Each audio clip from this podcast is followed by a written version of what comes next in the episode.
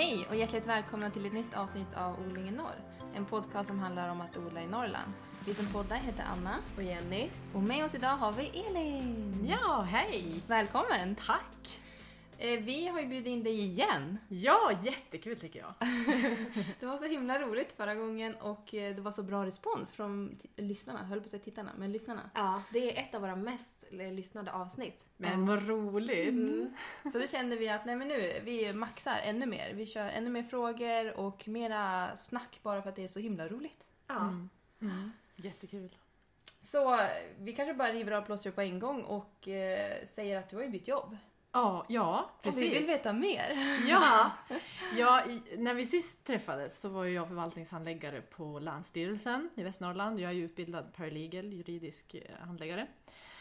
Men har väl känt liksom att det här med att sitta bakom en dator är ju verkligen inte min grej. Och så dök det upp ett jobb som husmor på ett HVB-hem som skulle flytta från Ramsele till Nordingrå.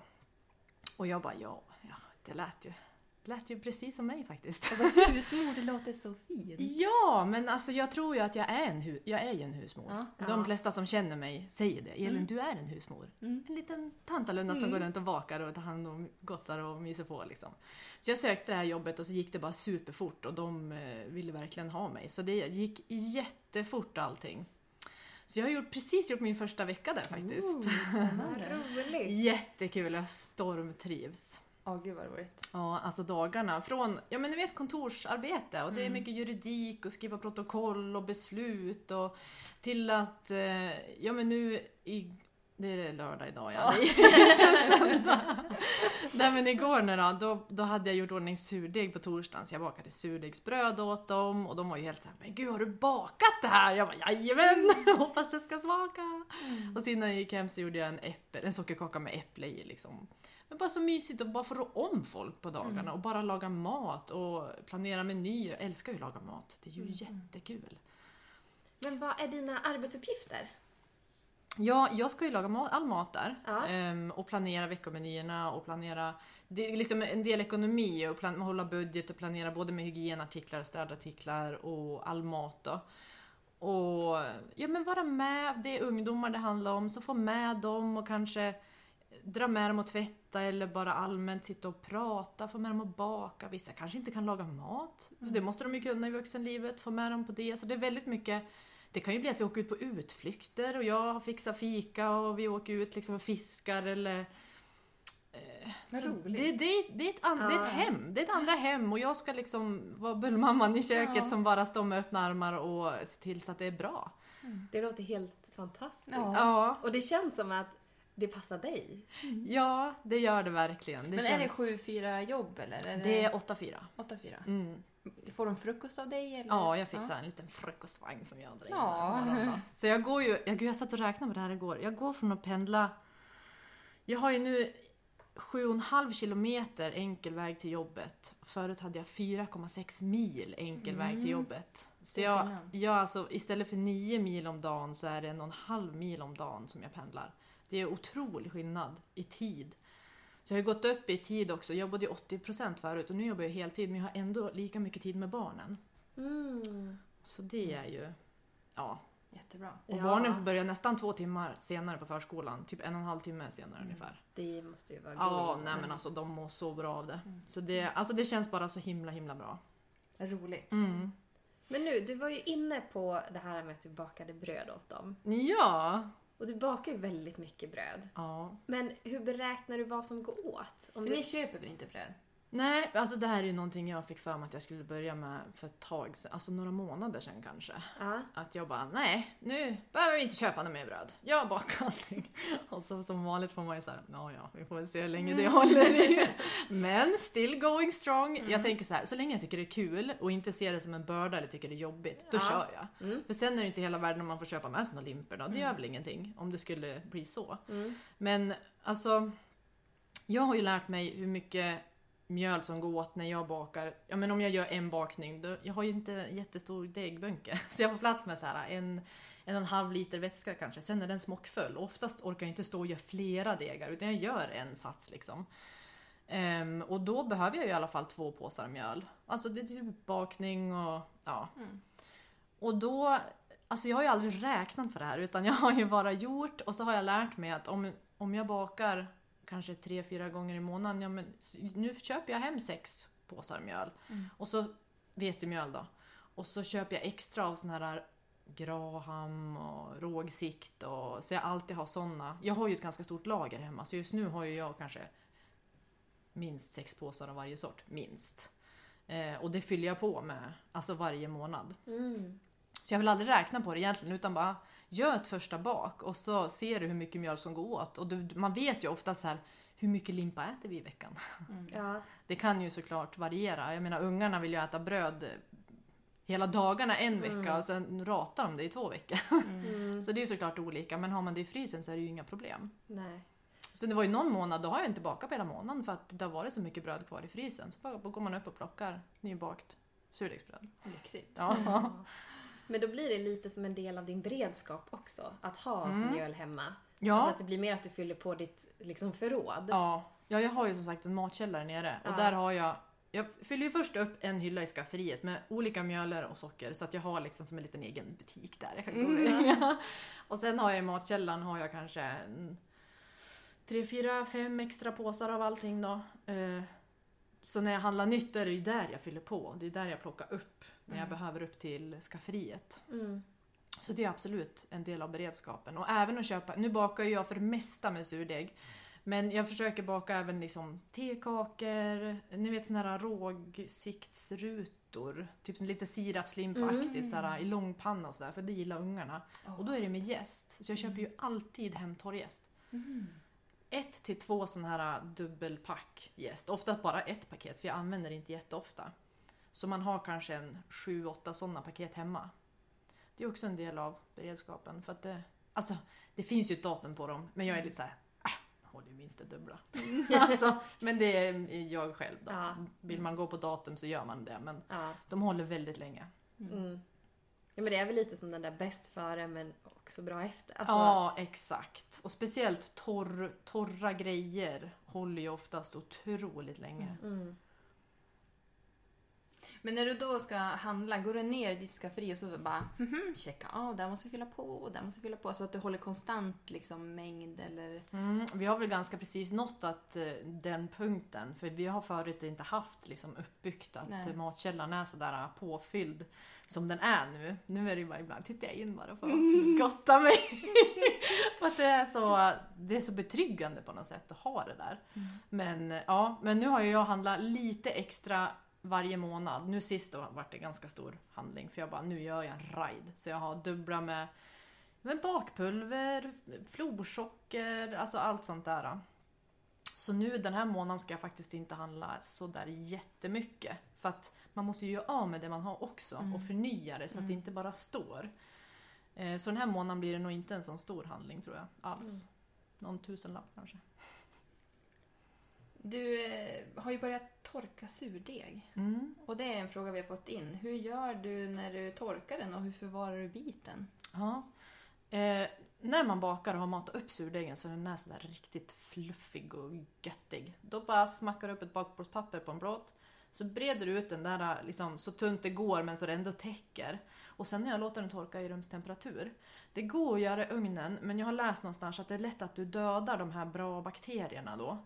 Eh, så jag har kört i rumstemperatur och då Mm. tar det något dygn och det går jättebra. Och sen för, har jag förvarat både i eh, plastpåsar för att jag har ju skickat lite grann. Jag har ju sålt lite grann Mm. till folk som har velat haft. Och så i burkar. Bara med sån här spännlock. Mm. Funkar jättebra. Och det är också en jättebra beredskap. Alltså har du torkad surdeg i en liten burk, den kommer ju hålla hela ditt liv. Mm.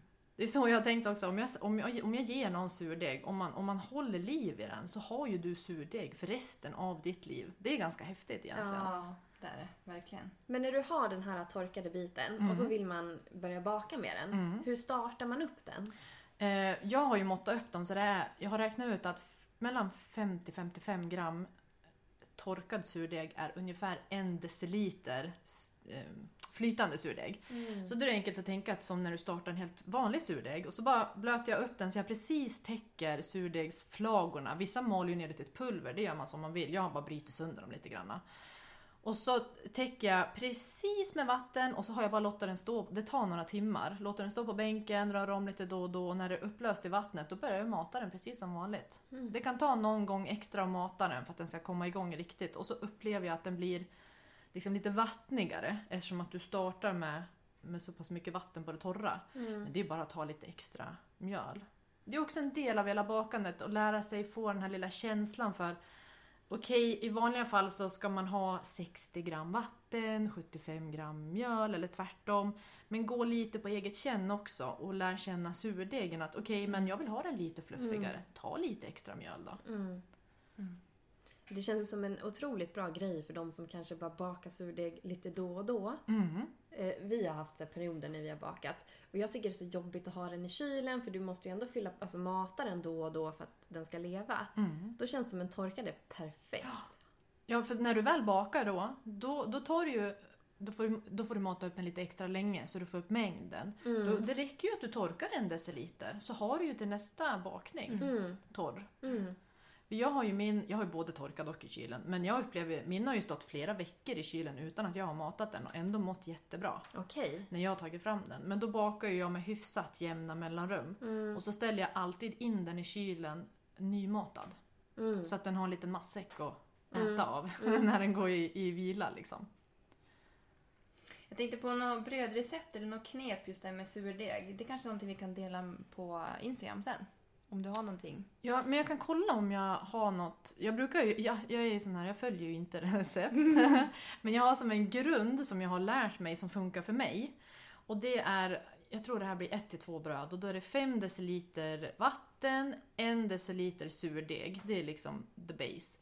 Kanske en halv till en matsked honung, lite sötma gör att det jäser, lite socker till, till Mm. surdegen gör att det jäser bra. Och sen bara mjöl, och det är det här man måste gå, man måste acceptera att du måste lära dig känna degen. Här på mjöl lite i taget tills den börjar släppa från bunken och känns bra liksom.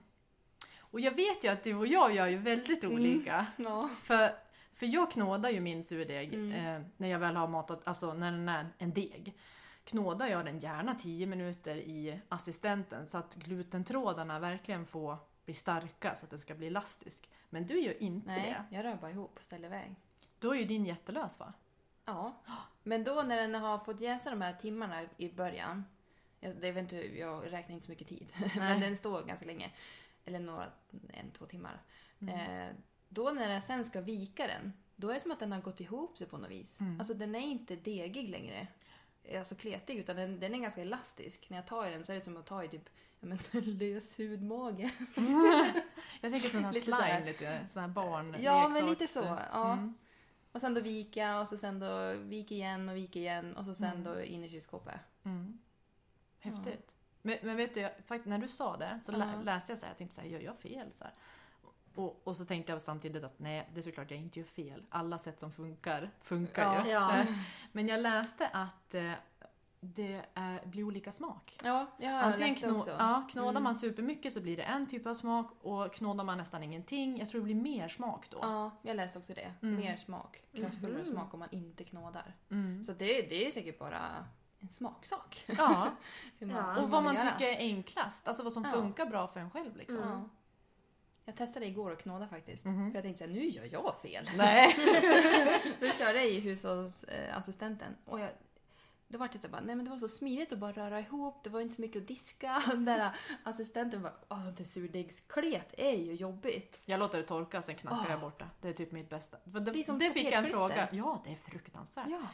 Det var någon som sa, men hur rengör du assistenten? För det blir ju ända upp på det krogen Mm. och upp i fästet. Mm. Och jag har ju insett att när jag står och torkar den där så svär jag till förbannelse. Mm. Så jag bara låter den torka jag. Och sen tar jag baksidan på en kniv och knackar lös det. Perfekt. Och rasar. Då ramlar det ju bara Ja. ner så är det bara att torka av den sen. Smart. Det ska jag göra nästa gång. Jag har typ tre, två dygn har stått och diskat den Ja, där. det är hemskt. Men du, jag har även läst att man ska helst inte slänga ner surdeg i avloppet för det Nej. stelnar ju som cement. Ja, jag kan tänka mig det. När jag såg det rinna ner och typ man såg det i silen så här, Mm. då bara hmm, det här känns inget bra. Nej. Tips till Mm. alla som ska börja baka med Mm. surdeg. Vi har fått en till fråga till dig. Mm. Eh, som handlar om varmbänk och speciellt i Norrland. Frågan löd eh, Berätta varför bygget till sjö... var- varför? Berätta från bygge till skörd om varmbänk i Norrland. Mm.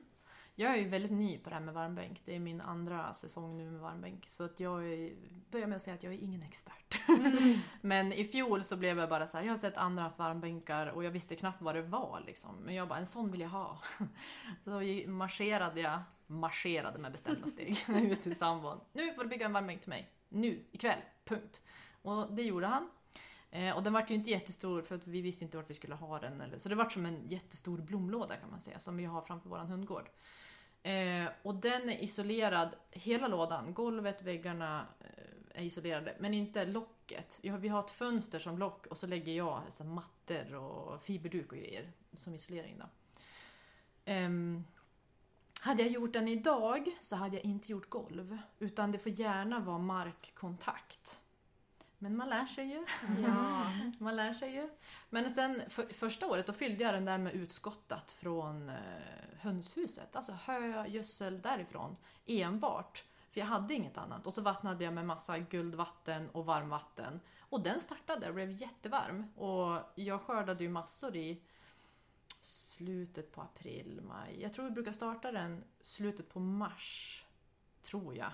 Mm. Det får ju inte vara, för den är ju bara varm en, en viss mängd veckor. Jag vet inte om det är upp till sex veckor eller något sånt där.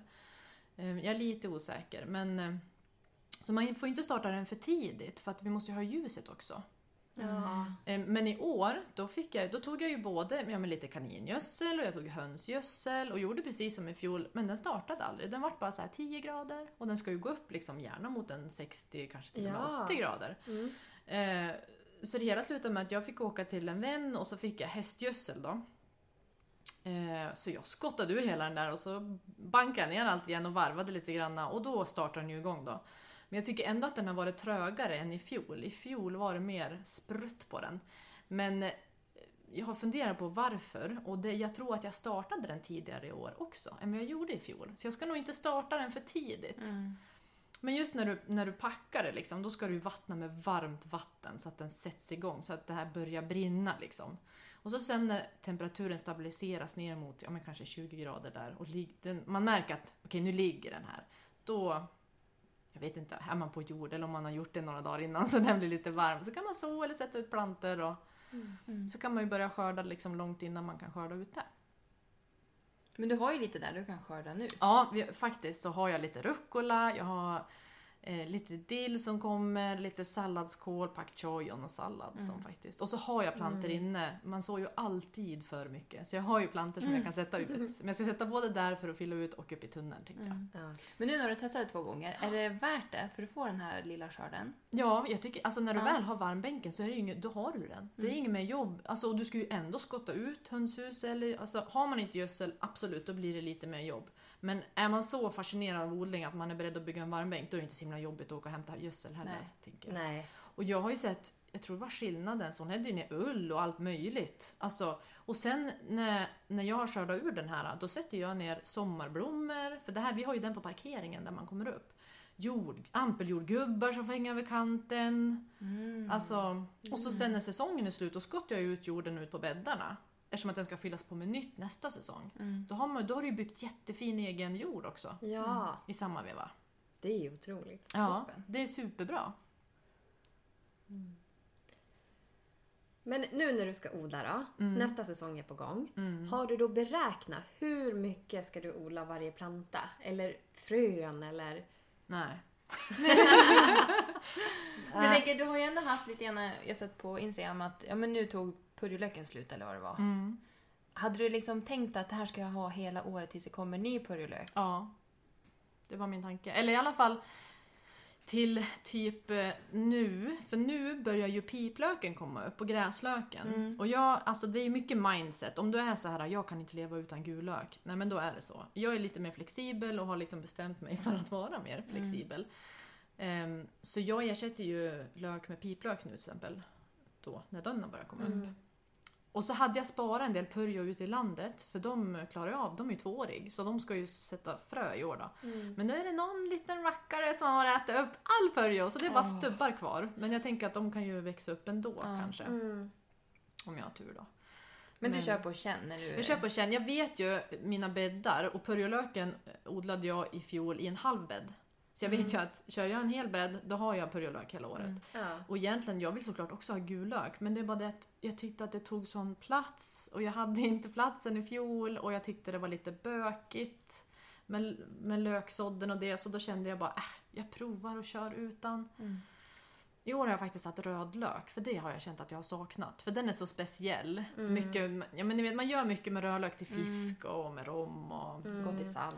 och- Ja, ja, ja, då kan Ja. man inte ha purjo. Nej. Nej, man picklar inte gärna purjolök Nej, precis. Då vill jag ha. Så det ska jag Ja. prova i år, får vi se. Men eh, ja. Nej, jag går nog mer på känn. Alltså, för mig, jag har väldigt svårt att, med, att räkna ut och matte och liksom Mm. där blir jag helt... Jag får panik och blir jättestressad och så bara släpper jag allting. Mm. Utan jag gör det och så kommer jag ihåg då eh, al- Alternativt är duktig och antecknar i Mm. mitt block. Liksom att eh, ja, det var en halv bädd med purjo. Då vet jag att kör jag en hel bädd så klarar jag förmodligen hela året. Mm. Och sen är det bara förvaringen som vi måste lösa, för jag har ju ingen jordkällare. Mm. Det är det. Ja, det är det ja. Men jag hade faktiskt lite ute på punschen och en hel del vart förstört, för speciellt nu på vårkanten.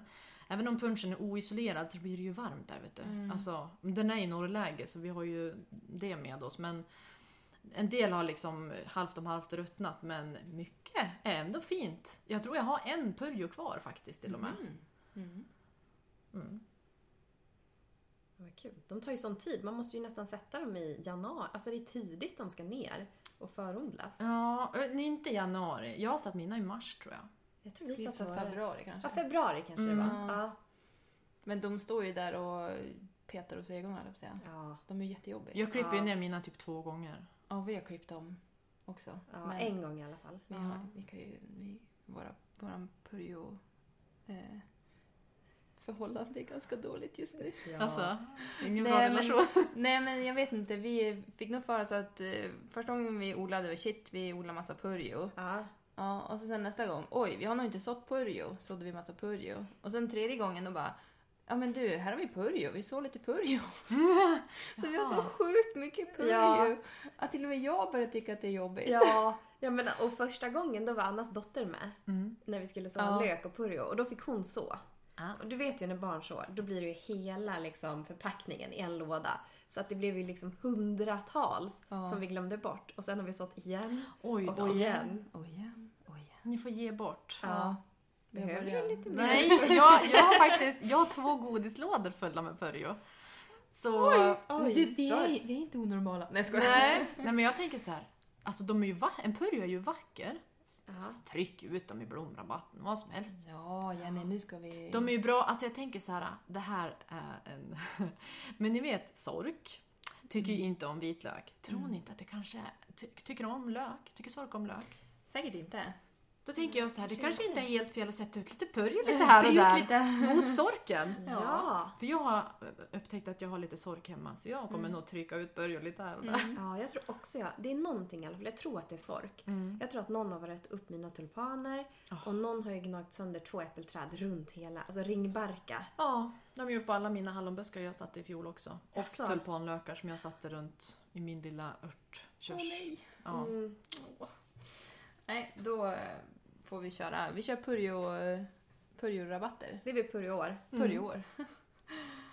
ja, nej men eh, vad bra att inte du sitter där och räknar och eh, håller på känner jag. För vi håller ju inte räkna någonting. Vi kör ju Nej. bara på känn. Ja. Jag Första året så räknade jag. Mm. Då satt jag och kollade liksom kvadratmeter och hur mycket jag ville ha av allting. Men jag tyckte att det blev liksom en prestation och mer... Det kändes mer som ett jobb Mm. än som en hobby.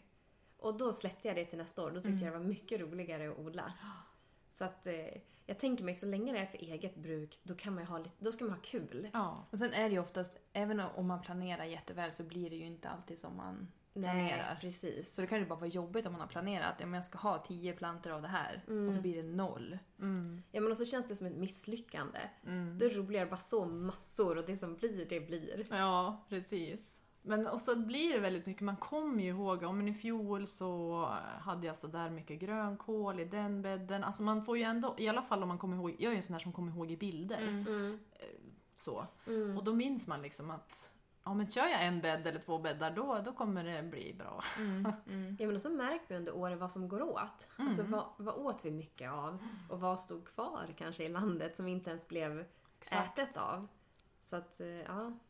Men nu när vi har sått en massa och de står där inne, men sen vill ju de här plantorna ut. Mm. Och då fick vi en fråga, hur gör du när du avhärdar dina plantor? Mm. Åker de direkt ut i växthuset eller ner i marken eller bär du in och ut varje dag? Eller? Alltså, eh, jag har alldeles för mycket plantor för att kunna bära in och ut. Det är liksom ett heltidsjobb. Det, det går inte. Men jag har ju, vårat hus står ju i rakt norr-söderläge. Så bredvid våran punch, våran punch är ju mot norr. Då tittar jag upp på våran köksträdgård. Så jag ställer ut eh, plantorna Många av tomatplantorna får först landa på punchen, så vi kan ju aldrig njuta av våran punch förrän i typ juni när alla plantor har åkt ut. Den är belamrad. ja. Men sen ställde jag även, i fjol ställde jag ut jättemycket plant bredvid punchen på gräsmattan i norrläge och så på med fiberduk. För jag läste någonstans att eh, då behöver man inte vara lika liksom eh, sådär super eh, beskyddande. För Mm. att i norrläget utsätts de ändå för dagsljuset men i skugga. Alltså, ja.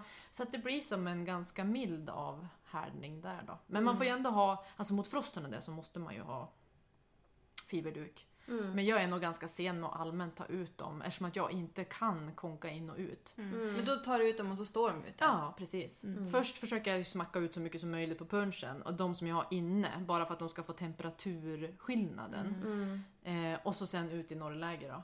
Mm. Men eh, jag gör ju också så att eh, i tunneln då hänger jag upp fiberdukar som gardiner liksom längs med plasten mot söder då. Eh, för skydd mot solen. För att den, den bränner, alltså första året dödade jag så många gurkplantor framförallt. Aha. Stendog av solen. Mhm.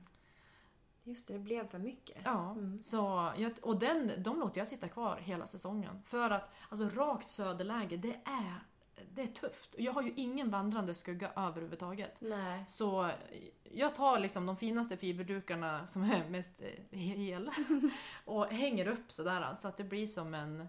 Det blir ett bättre ljusinsläpp helt enkelt. Ja. Mm. Det är ett väldigt bra tips som jag vill skicka med. Nu hoppar vi tillbaka till ditt eh, skafferi här. Mhm. Vad måste alltid finnas i ditt reservskafferi? Oj, får man bara välja en sak? Nu är vi hård. Nu Nu. är det en sak. Nej. du får säga vad du absolut vill ha. Som du inte Eh. vill stå utan när du väl liksom behöver. Som du alltid ser till att det här har jag hemma. Mm, som kan stå i skafferi. Det är nog både honung, mjöl, jäst, socker. Ketchup? Fast det kan jag ju faktiskt odla. Men som Mm. mjöl, det, det odlas väl inte här uppe? Alltså för jag skulle så gärna vilja köpa färskt och så här mala själv. Men det, Mm. för det ser man ju på Instagram, folk gör liksom. Men det är ju söderut. Mm. Så mjöl vill jag alltid ha hemma. För har du mjöl och socker och honung då kan du baka, du kan baka bröd, sötsaker, du kan göra pannkakor. Det är nog ganska bra. Och så örter, alltså kryddor. Mm. Det är absolut. Mm. Men mycket tänker jag på sånt som jag inte kan skaffa själv. Alltså Mm. olivolja. Eh, vinäger är jag inte lika hård med för jag tänkte att jag kan faktiskt göra Mm. egen äppelcidervinäger om det skulle vilja sig till. Liksom. Ja. Och örter kan jag ju odla själv, så det är ju inte hela världen liksom. Men så jag brukar tänka på sånt som jag inte kan fixa själv. Mm. Men när du fixar själv då och ska spara på de här grejerna, till Mm. exempel örter. Mm. Vad föredrar du och hur förvara? Liksom torka, frysa, safta, sylt? Alltså vad är din favoritmetod för att bevara eh, grödorna? Eller- Det är väldigt svårt att säga en favoritmetod egentligen. Ja. För att eh, vissa örter blir ju inte bra om du torkar dem. Medan andra örter eh, blir superbra, blir inte bra om du fryser dem. Eh, men som rosmarin och timjan är ju mycket bättre att torka. Medan basilikan smakar ju bara hö om du torkar den. Mm. Den vill man ju inte ha torkad. Tycker jag. Mm. Så basilika och persilja, det vill jag frysa. Eh, jag har även provat att frysa mynta. Det funkar jättebra. Mm. Eh, citrontimjan. Men de går ju lika, citrontimjan, i alla fall myntan, den går lika bra att torka och den ger lika stark smak ändå. Mm. Typ som i te och sådär. Mm. Eh, så det, det beror väldigt mycket på vad det är för råvara. Vi fick ju en fråga Mm. som handlade om en råvara och det var att när du gör din egen tomatsås. Mm. Kan, hur förvarar du den om du inte fryser den? Jag fryser den ju för det mesta. Ah, okej. Eh, men jag har gjort en eh, typ sås där jag hackar tomater och zucchini och lök och vitlök och så här på olja. Jag toppar med olja så det blir ett oljelock liksom. För det blir ju ganska mycket vätska av tomaterna. Och sen eh, typ konserverar jag det i ugnen. Men med ugnskonservering ska man ju vara jätteförsiktig för det är ju risk för botulism som är typ det starkaste giftet i hela världen. Nu skrämmer jag alla som vill prova. Men man ska även vara medveten att kokar du maten i, jag tror det är minst 10 minuter, så dör de här bakterierna. Men så man ska alltså inte stoppa ner fingrarna i burken och provsmaka om den är god. Utan då måste man koka det länge och väl. Mm. Och det går ju bra när det är en pastasås. Alltså som den här med hackade bitar liksom. Och då har jag stoppat ner massa basilika. Så det är en väldigt sån här klassisk italiensk. eh, Du kan bara koka upp den här, låta den puttra i en kvart liksom och sen i med pasta. Mycket citron, vitlök, basilika, tomater, zucchini, lite utfyllnadsgrejer liksom. Så det är väl den enda som jag har konserverat på annat sätt. Annars fryser jag det mesta. Mm. Men jag ska, i år ska jag faktiskt börja torka mycket mer grönsaker. För eh, min pappa hade fått hem ett, eh, ett sånt här paket från något, för, han är egenföretagare så han hade fått något sånt här fjäskpaket eller vad man ska kalla det för. Med både, alltså det var pastasorter, det var några tomatsåser och så var det en påse med torkade grönsaker bland annat och örter. Och den där påsen skulle man blötlägga en viss tid och sen i med jag tror det var krossade tomater och så blev det här en rätt och jag, mina tankar gick ju direkt till min bob, alltså Mm. min bug out bag, en sån här krisväska som du ska kunna ta med dig om, om du behöver sticka hemifrån. Jag bara, jag måste göra egen sån här. Jag ska torka, tänkte jag, du kan ju torka purjolöken till exempel. Mm. All blast på purjon, det är många som skär bort blasten på purjon och slänger Mm. den. Men gör inte det, torka den. Då har du ju tork som du kan blanda med flingsalt. Så har du liksom lite lök, gör buljong Mm. av. Jag torkar all blast, det här som är lite träigare, som man Mm. kanske inte vill skiva ner i maten av någon anledning. Du ska torka purjo, morötter, tomater går hur bra som helst att torka, zucchini, du kan ha svamp, kantareller, allt möjligt. Och så göra som en egen liten buljong Mm. i torrformat då, med bitar så att du kan blanda på med varmt vatten och få det som en liten Soppa nästan. soppa. Ja. Mm. Mm. Jag ska Spännande. prova det. Spännande. Det är perfekt också för de som är ute och vandrar mycket, tänker jag. Ja, ja, ja, ja. För Alltså, det väger ju ingenting. Nej, precis. Och enkelt att ta med. Ja, en sak förresten som om man vill kunna göra såna här saker som ni måste odla och som är perfekt att torka, det är libstickan. Jag har säkert sagt det förut men alltså har ni libsticka, då har ni buljong. För libstickan det är buljongsmakens moder. Det, den smakar buljong. Men jag tycker det är svårt. Jag säger inte lipsticka, jag säger lipsticka. Ja. Ja. Mm. Men i alla fall, jag tycker det är svårt med den för att den är ändå ganska kraftig i smaken. Mm. Och veta hur ska jag dosera den. Mm. Och när man läser typ så här örtsaltsrecept och grejer, då är det typ bara freebasea, gör så här, ta det här. Men, men hur mycket ska jag ta? Alltså, Ja. när blir det för starkt? Eh, ja men man får prova sig fram. Ja. Ja, Alltså det är inte går- att det är starkt så, utan det blir väl kraftig smak. Ja, den, Mm. den tar ju lätt över. Så man ska Mm. väl absolut prova sig fram med den och ta men som torkad använder jag en nypa i maten, det är inga problem. Mm. Alltså, då tycker inte jag att det tar Nej. över. Mm. Och eh, alltså vill man gå tillräckligt långt så kan man ju absolut byta ut all köpebuljong mot livsticka och lite andra örter och grönsaker och blanda ihop egen buljong. Mm. För att den ger så pass mycket och den blir ju en ganska så stor buske. Den blir Men ganska gud. hög. Men min var ju, kom du ihåg min i fjol? Ja, den var otrolig. Tre, fyra meter Ja. hög. Ja, ja den var så pass Ja, stor. ja, monster. Ja, det var typ, när man tittar ner mot landet Ja. så var det liksom Mm. Det var blickfånget. som en Ja. flaggstång. Ja. De påminner, om vi ska försöka förklara hur den ser ut, så påminner den lite om rotselleriblasten. Ja. Typ. Mm. Mm. Så plockar man ju, man klipper ju buketter av de här bladen då. Jag hänger bara upp buketterna. eh, Så får de torka. Alltså det bästa sättet att ta tillvara på någonting är ju någonting som inte kräver energi. Ja. Och att lufttorka mörkt och gärna svalt nu då, om man Mm. kan det. Men, ehm, eller man kanske inte ska torka svalt, man ska torka varmt. I skafferiet kanske. Mm. Varmt Torrt och mörkt. Ja, torrt. Torrt, Ja. precis. Så är ju det det absolut Mm. effektivaste. Mm. Mm.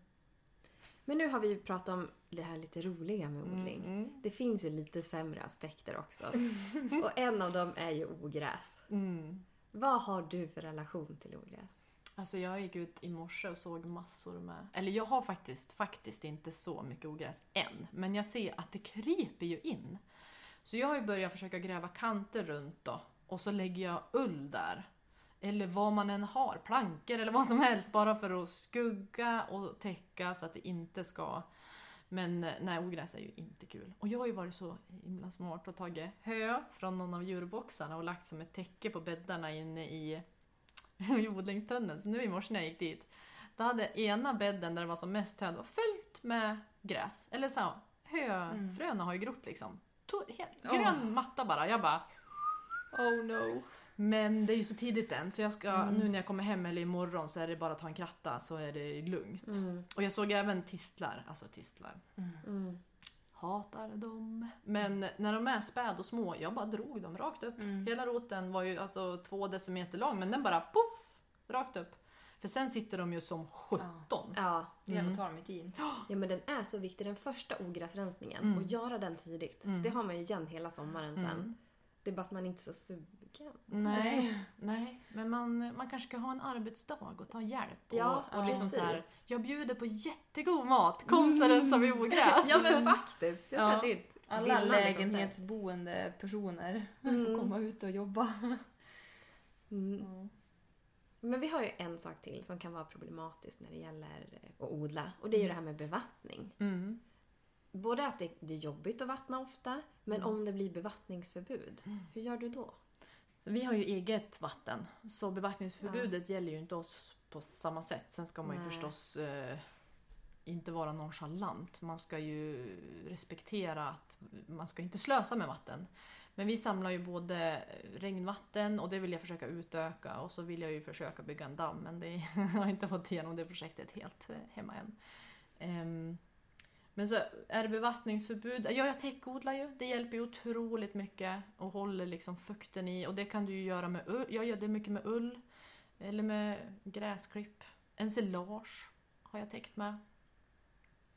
Och sen, jag tror det var i fjol så köpte jag ett bevattningssystem också, en sån här droppbevattning. Det sparar ju också otroligt mycket vatten. Jag fick det aldrig att funka för att eh, Ja, jag måste titta på det där i år men jag vart bara less och gav upp hela skiten. För det var, jag vet inte om det var pumpen som var för svag, det var vattnet som var för smutsigt. för Vi tog från en sån här gammal brunn som vi har stående som inte används.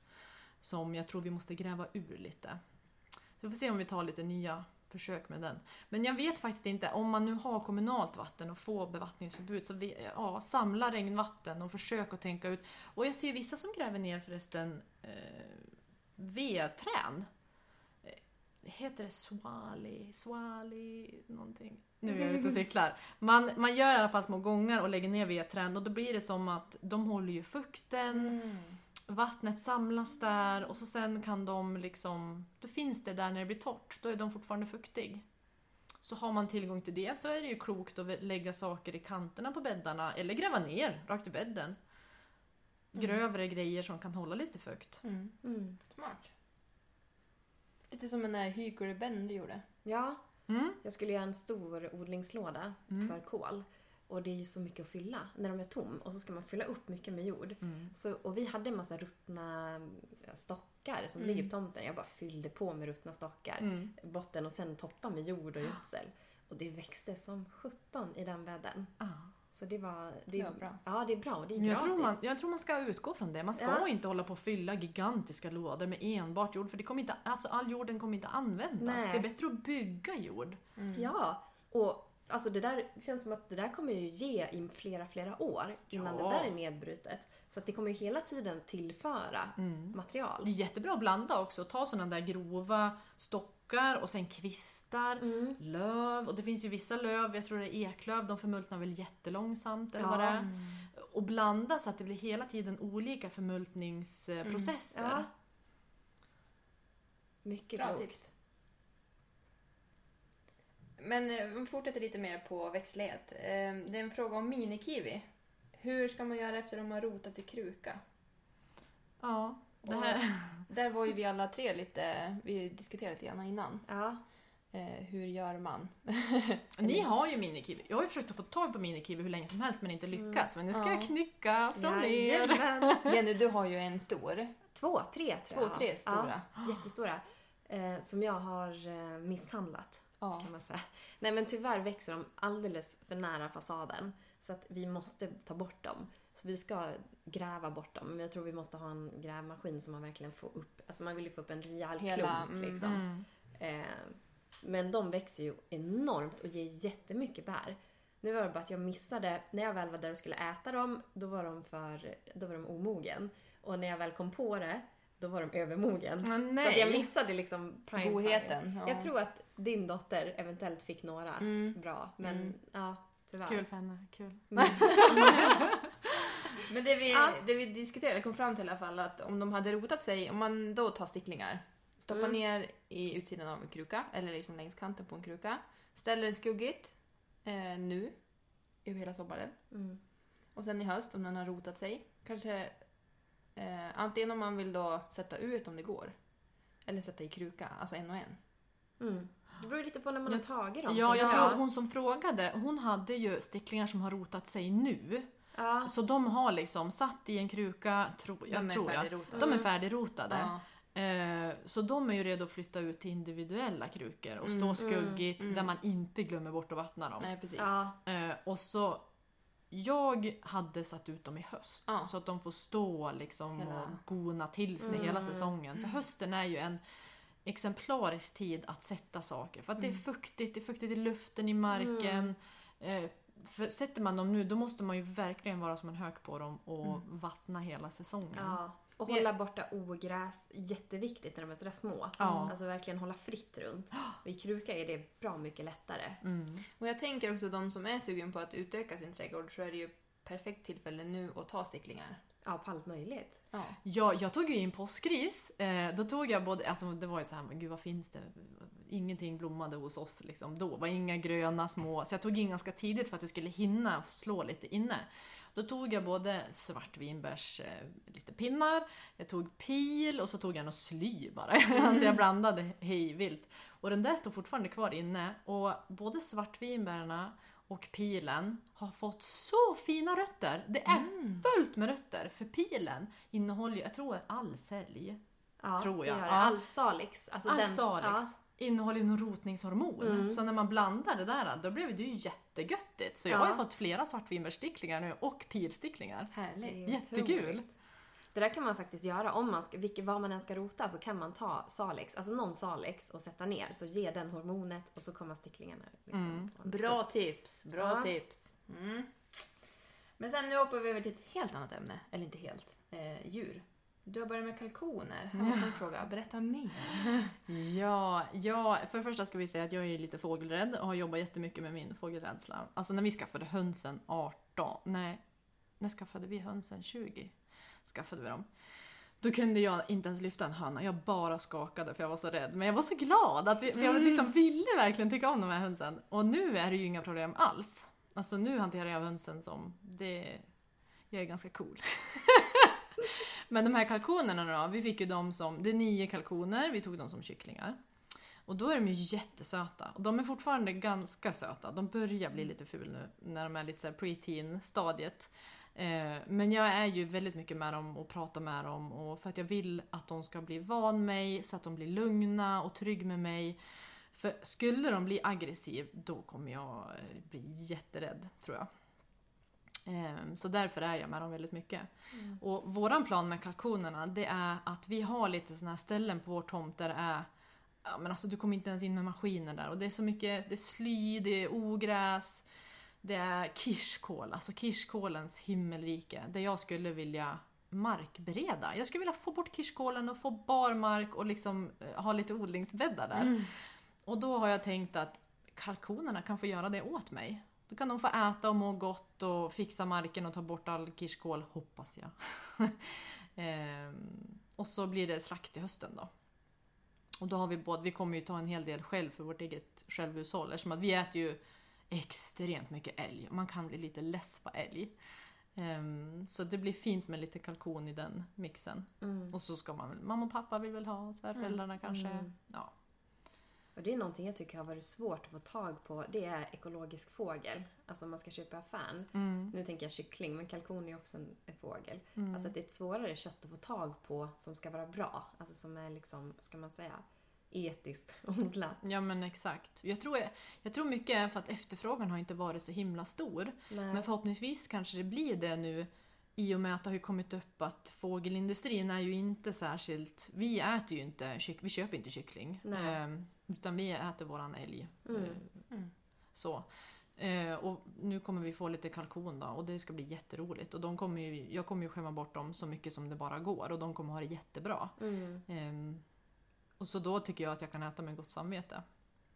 Mm. Så det, ja, jag ser, det är väldigt spännande men jag är ju liksom väldigt beredd på att jag kommer... Jag är som sagt lite fågelrädd och de blir ju gigantiska.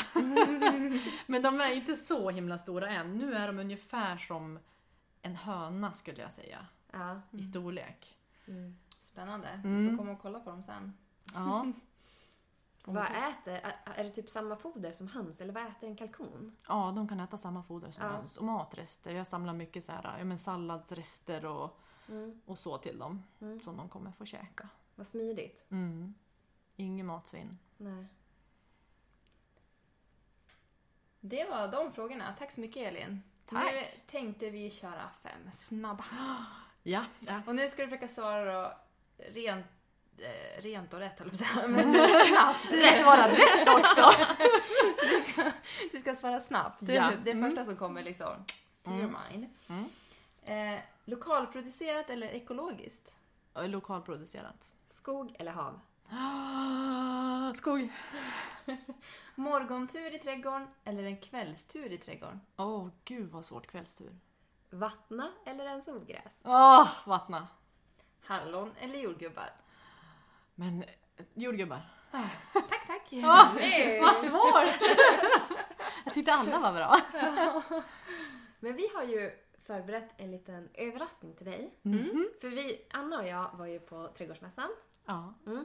Och så stod vi på Blomqvist och så stod vi och dividerade om vi skulle köpa så vi kunde göra egna plommonträd. Alltså Ympa. ympa. Ja. Så då gjorde vi det, vi köpte massa och sen kom vi på att Elin kommer ju på lördag, kanske vi ska passa på att göra då? Tillsammans? Nej, Ja. men gud vad roligt! Så får hon ta hem ett plommonträd. Nej men alltså jag blir så lycklig. Gud vad fina ni är. Så det ska vi göra nu. Ja, så det tänker vi. Där får vi lägga upp någon film och så får det komma ut på Instagram Ja. sen. Åh, gud vad kul. Annars blir den här podden tre timmar lång. It will go on and on and on. Ja. Ja. ja men hörni, vilket trevligt samtal och vad kul att ha dig här igen Elin. Mm. Ja, tack så mycket. Det var jättekul att komma hit. Mm. Så, Ha det så bra allihopa. Ja. Vi. vi hörs. Hej då! Hej då! Hej då!